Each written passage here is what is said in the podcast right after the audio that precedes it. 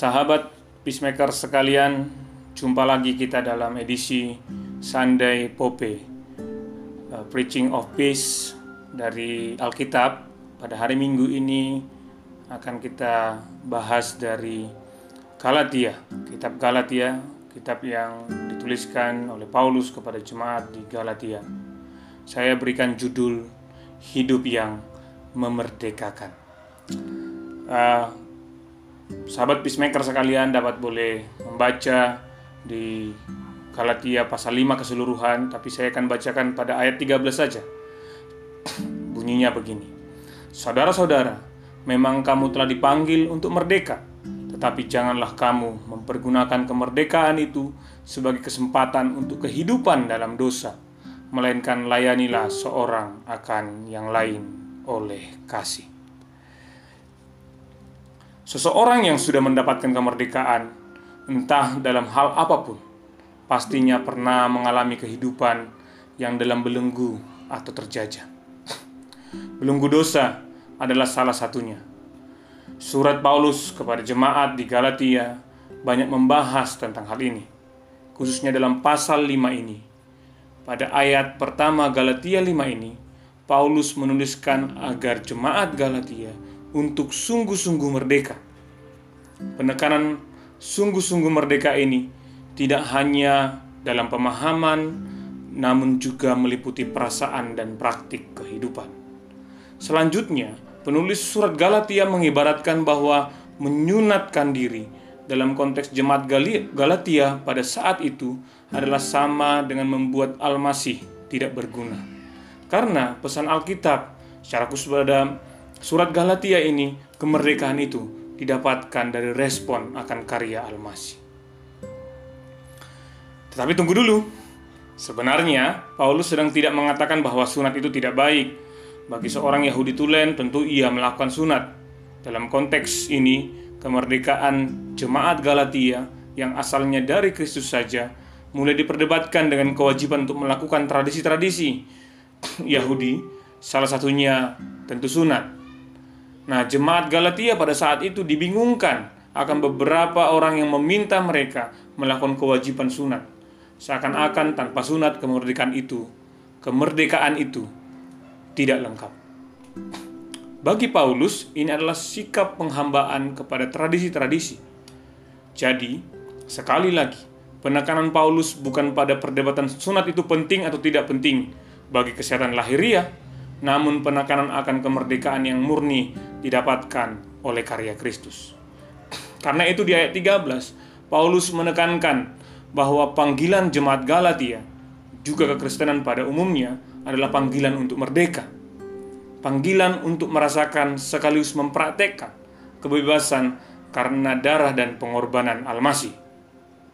Penggunaan kata dipanggil sebagai kata kerja pasif menunjukkan bahwa kemerdekaan itu adalah inisiatif dari Allah dalam Al-Masih yang telah mengorbankan dirinya sebagai kurban agung bagi keselamatan manusia yang terbelenggu oleh dosa.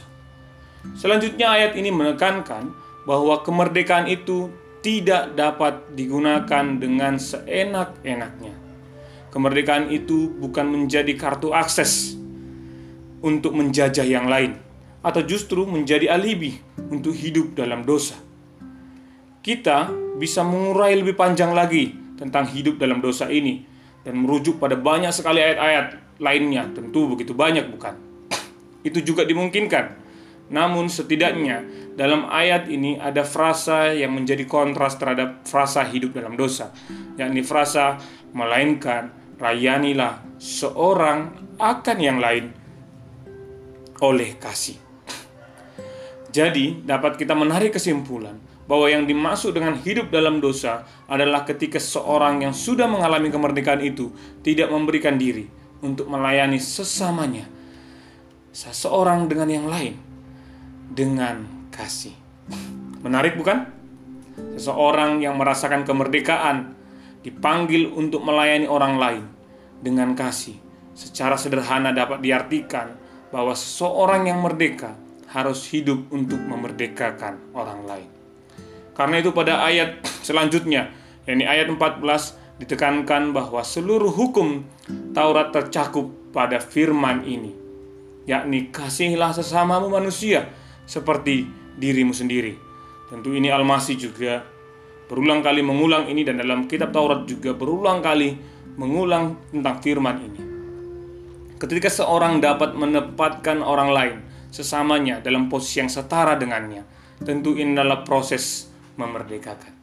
Saudara-saudari peacemaker yang terkasih, saat ini kita memasuki bulan peringatan akan kemerdekaan negara yang kita cintai Indonesia. Bulan Agustus ya. Kita 17 Agustus akan merayakan kemerdekaan itu. Dan bulan-bulan ini biasanya sudah begitu banyak umbul-umbul merah putih, bendera merah putih berkibar di seantero negara kita. Sebelum proklamasi kemerdekaan dibacakan oleh Soekarno-Hatta, kita dalam status bangsa yang terjajah. Bergantian negara-negara penjajah menguasai tanah air kita. Bahkan setelah proklamasi, Belanda dan sekutunya masih terus berusaha merebut kembali kebebasan bangsa kita. Selama masa penjajahan itu, bangsa penjajah memperlakukan nenek moyang kita, ya, kita pada saat itu sebagai budak yang terjajah. Kita tidak punya kesetaraan di hadapan mereka. Kita hanyalah warga kelas bawah.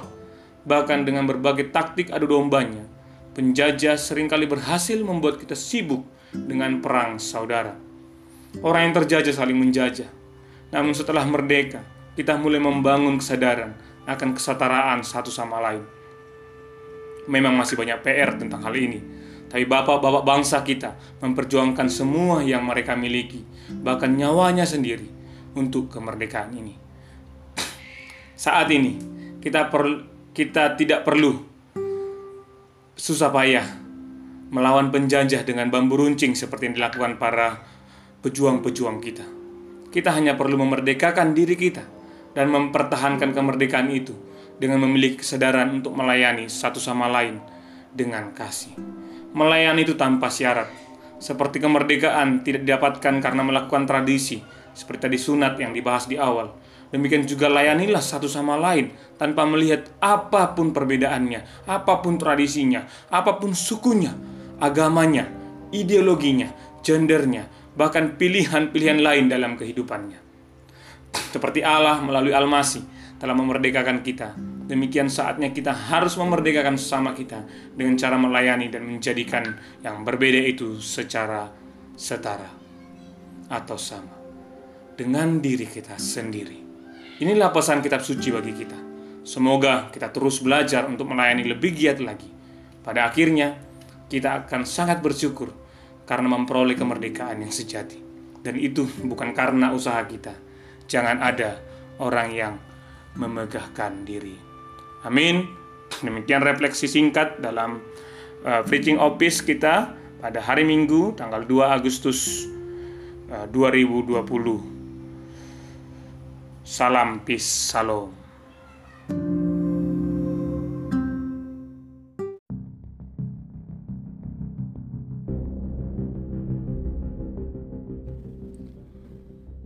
Memanusiakan Perempuan oleh Anissa Eka Putri Kusmayani.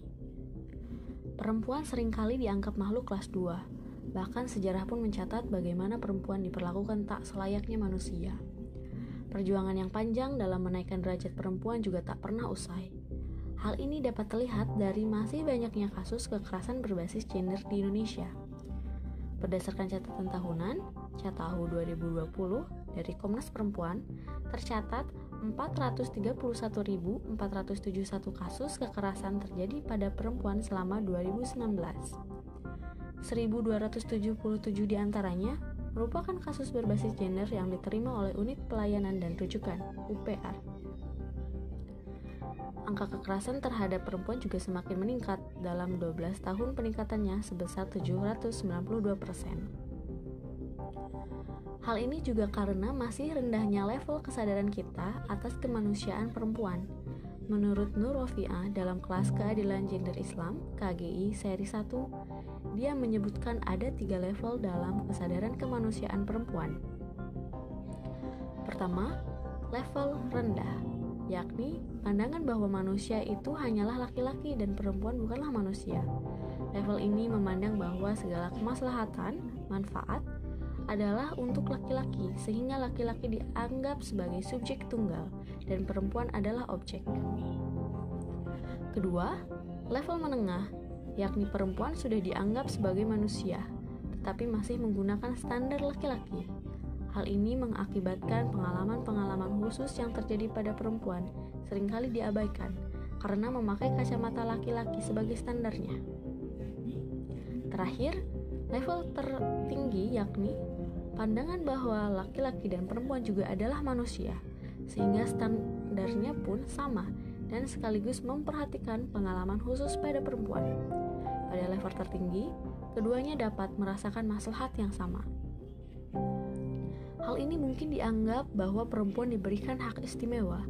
Namun, jika melihat pada kekhasan perempuan, maka perlu ada fasilitas khusus untuk perempuan. Memanusiakan yang lain juga terlihat pada orang tanpa kebutuhan khusus dan orang dengan kebutuhan khusus. Ketika melihat keduanya, tentu perlu ada fasilitas tertentu bagi orang dengan kebutuhan khusus, seperti perlu ada lift atau jalan tak bertangga bagi pengguna kursi roda. Begitu pula dalam memanusiakan perempuan, karena perempuan juga memiliki kebutuhan yang tak dimiliki oleh laki-laki. Hal ini seperti fasilitas ibu menyusui, cuti haid, ataupun penyediaan pembalut pada P3K. Perlu waktu yang lama dalam menyadarkan pemahaman bahwa perempuan juga manusia, Bahkan setelah Al-Quran turun dengan berbagai firman Allah dalam menyerukan kesetaraan gender juga masih belum banyak kemajuan dalam hal ini. Padahal sebagai umat yang beriman, firman Allah perlu diperhatikan dengan seksama. Belum lagi jika kita melihat pada tradisi Arab jahiliyah yang merendahkan perempuan bahkan hingga memperjualbelikan atau mewariskannya. Selain itu, di masa sekarang juga masih banyak laki-laki yang lebih ingin perempuan untuk patuh pada laki-laki atau suami daripada bekerja sama atau mubadalah, kesalingan. Padahal Al-Quran sudah tegas menyatakan bahwa laki-laki dan perempuan adalah manusia, yakni di dalam Quran Surat Al-Hujurat ayat 13. Dalam ayat tersebut sudah jelas menyebutkan, Hai manusia, sesungguhnya kami menciptakan kamu dari seorang laki-laki dan seorang perempuan. Hal ini berarti bahwa laki-laki dan perempuan juga manusia, karena dari mereka lah lahir manusia-manusia lainnya. Lanjutan dari Quran Surat Al-Hujurat juga menyebutkan bahwa perbedaan dari laki-laki dan perempuan adalah dari segi ketakwaan kepada Allah. Selain itu, laki-laki dan perempuan juga sekunder di hadapan Allah sebagai hamba dan keduanya primer sebagai makhluk untuk menjadi khilafah fil art, pemimpin di muka bumi. Perempuan bukan pula hamba bagi laki-laki, sebab keduanya sama-sama hanya hamba Allah. Hal ini sudah tersurat dalam Quran Surat Az-Zariyat ayat 56 yang memiliki arti dan aku tidak menciptakan jin dan manusia melainkan supaya mereka mengabdi kepadaku. Bahkan jika berbicara dalam sudut pandang Islam, maka memang perempuan derajatnya sama seperti laki-laki. Hal ini terlihat dalam pandangan bahwa perempuan juga manusia yang rohnya kekal bisa mendapatkan pahala, bisa masuk surga. Bahkan perilaku-perilaku yang merendahkan perempuan seperti dilacurkan, dihadiahkan, atau dijadikan jaminan hutang pun sangat dilarang keras oleh Islam. Meskipun di awal kemunculan Islam atau tersurat di Al-Quran bahwa laki-laki memiliki kekuatan lebih, tetapi tujuan akhirnya tetaplah memanusiakan perempuan. Hal ini dapat terlihat dalam berbagai ayat, contohnya dalam Quran Surat An-Nisa ayat 3 yang membicarakan poligami yang dahulu tak terbatas, kemudian diberikan batasan dan bersyarat, yakni mesti adil. Syarat yang diberikan pun tergolong berat, sebab dijelaskan di ayat lain bahwa manusia tak akan pernah dapat berlaku adil. Sehingga tujuan utama dari ayat tersebut adalah monogami. Pastilah Allah menurunkan firman-firmannya bukan tanpa alasan, sebab banyak pula kemodorotan dalam poligami, khususnya bagi perempuan. Tentu per perlu penjelasan yang lebih panjang untuk setiap kasus yang berkaitan dengan perempuan seperti warisan ataupun hukum perempuan sebagai saksi. Namun yang perlu kita ingat dan perlu kita tanamkan adalah kemanusiaan perempuan itu penting dan perlu diperhatikan. Perempuan adalah hamba Allah, begitu pula laki-laki, sehingga tak perlu saling menyembah. Tetapi perlu bekerja, bekerja sama untuk mencapai kemaslahatan bersama jika Allah saja memberikan kesadaran untuk memanusiakan yang lain, maka alasan apa lagi yang membuat kita merendahkan orang lain? you